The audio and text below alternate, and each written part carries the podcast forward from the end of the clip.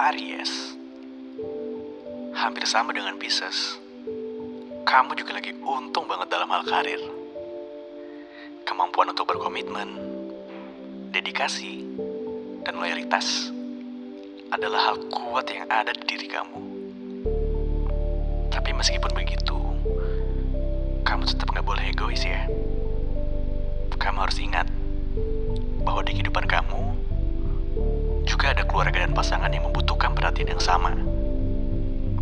Jadi, luangkan waktu akhir pekan kamu sekedar untuk quality time bersama mereka. Agar kehidupan kamu jadi lebih seimbang.